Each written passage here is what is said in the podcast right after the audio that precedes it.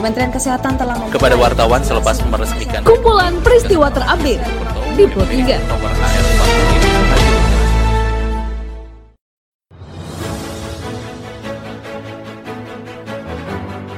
45. Halo pendengar, saat ini Anda sedang mendengarkan kumpulan peristiwa Pro 3.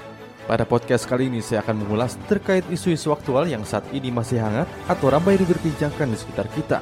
Tentu saja pendengar, nanti akan saya hadirkan cuplikan informasi dari reporter kami. Bersama saya Karisma Rizky, inilah kumpulan peristiwa Pro 3 di ruang dengan podcast Anda.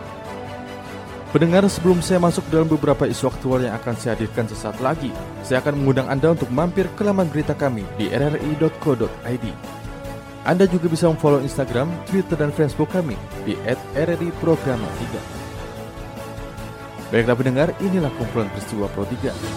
Pendengar Wakil Gubernur DKI Jakarta Ahmad Riza Patria memastikan akan memberi sanksi petugas yang membocorkan identitas pelapor pelanggaran protokol kesehatan. Dilaporkan Alfred Stuter berikut pernyataan Ahmad Riza. Ya jelas kalau ada aparat yang membocorkan jelas ada sanksinya. Nanti kita akan cek dan kita akan evaluasi.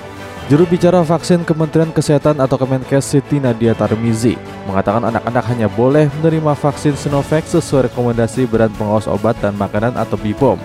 Sementara jenis vaksin Sinovac belum masuk dalam vaksinasi mandiri. Dikabarkan Rini Hairani berikut penjelasan Siti Nadia. Kalau untuk anak sendiri usia 12 sampai 17 tahun itu ada diperkirakan 20 juta anak-anak yang berusia 12-17 tahun yang berada di uh, jenjang pendidikan formal maupun yang tidak berada di jenjang pendidikan. Jadi uh, kita sudah mengalokasikan kurang lebih 20 juta tapi tentunya bertahap. Kami sampaikan sekali lagi bahwa yang menjadi sasaran utama kita adalah usia di atas 18 tahun. Bukan berarti anak-anak itu tidak uh, menjadi prioritas, dia menjadi prioritas, tetapi yang lebih penting usia di atas 18 tahun karena uh, data yang mengatakan bahwa betul kematian, kesakitan pada anak-anak meningkat, tetapi karena masih banyak orang dewasa di sekitarnya belum divaksin. Pemerintah tidak menutup kemungkinan adanya perpanjangan kebijakan PPKM darurat di tengah lonjakan kasus COVID-19 yang masih tinggi. Dikabarkan Safira Amalia berikut penegasan Ketua Pindo Haryadi Sukamdani. Ya memang kalau kita lihat semua indikator makroekonomi kita kan bagus ya.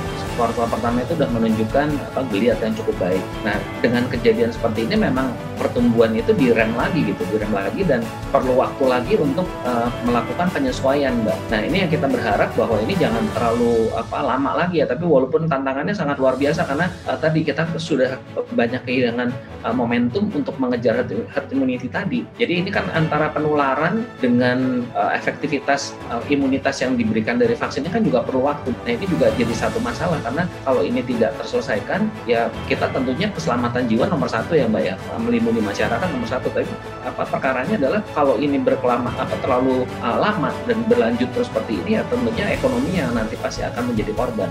Meningkatnya kasus positif COVID-19 berimbas dengan naiknya harga tabung oksigen dan oksigen jenis portable mulai di pasaran.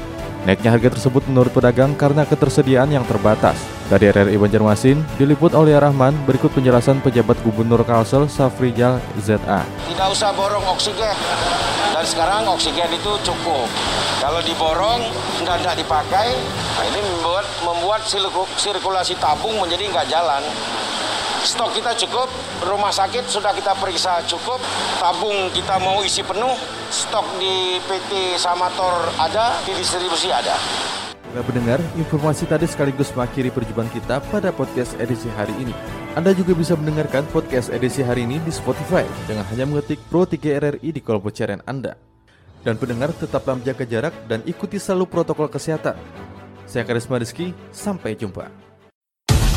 Kementerian Kesehatan telah kepada wartawan selepas meresmikan kumpulan peristiwa terupdate di Pro 3. nomor AR 45.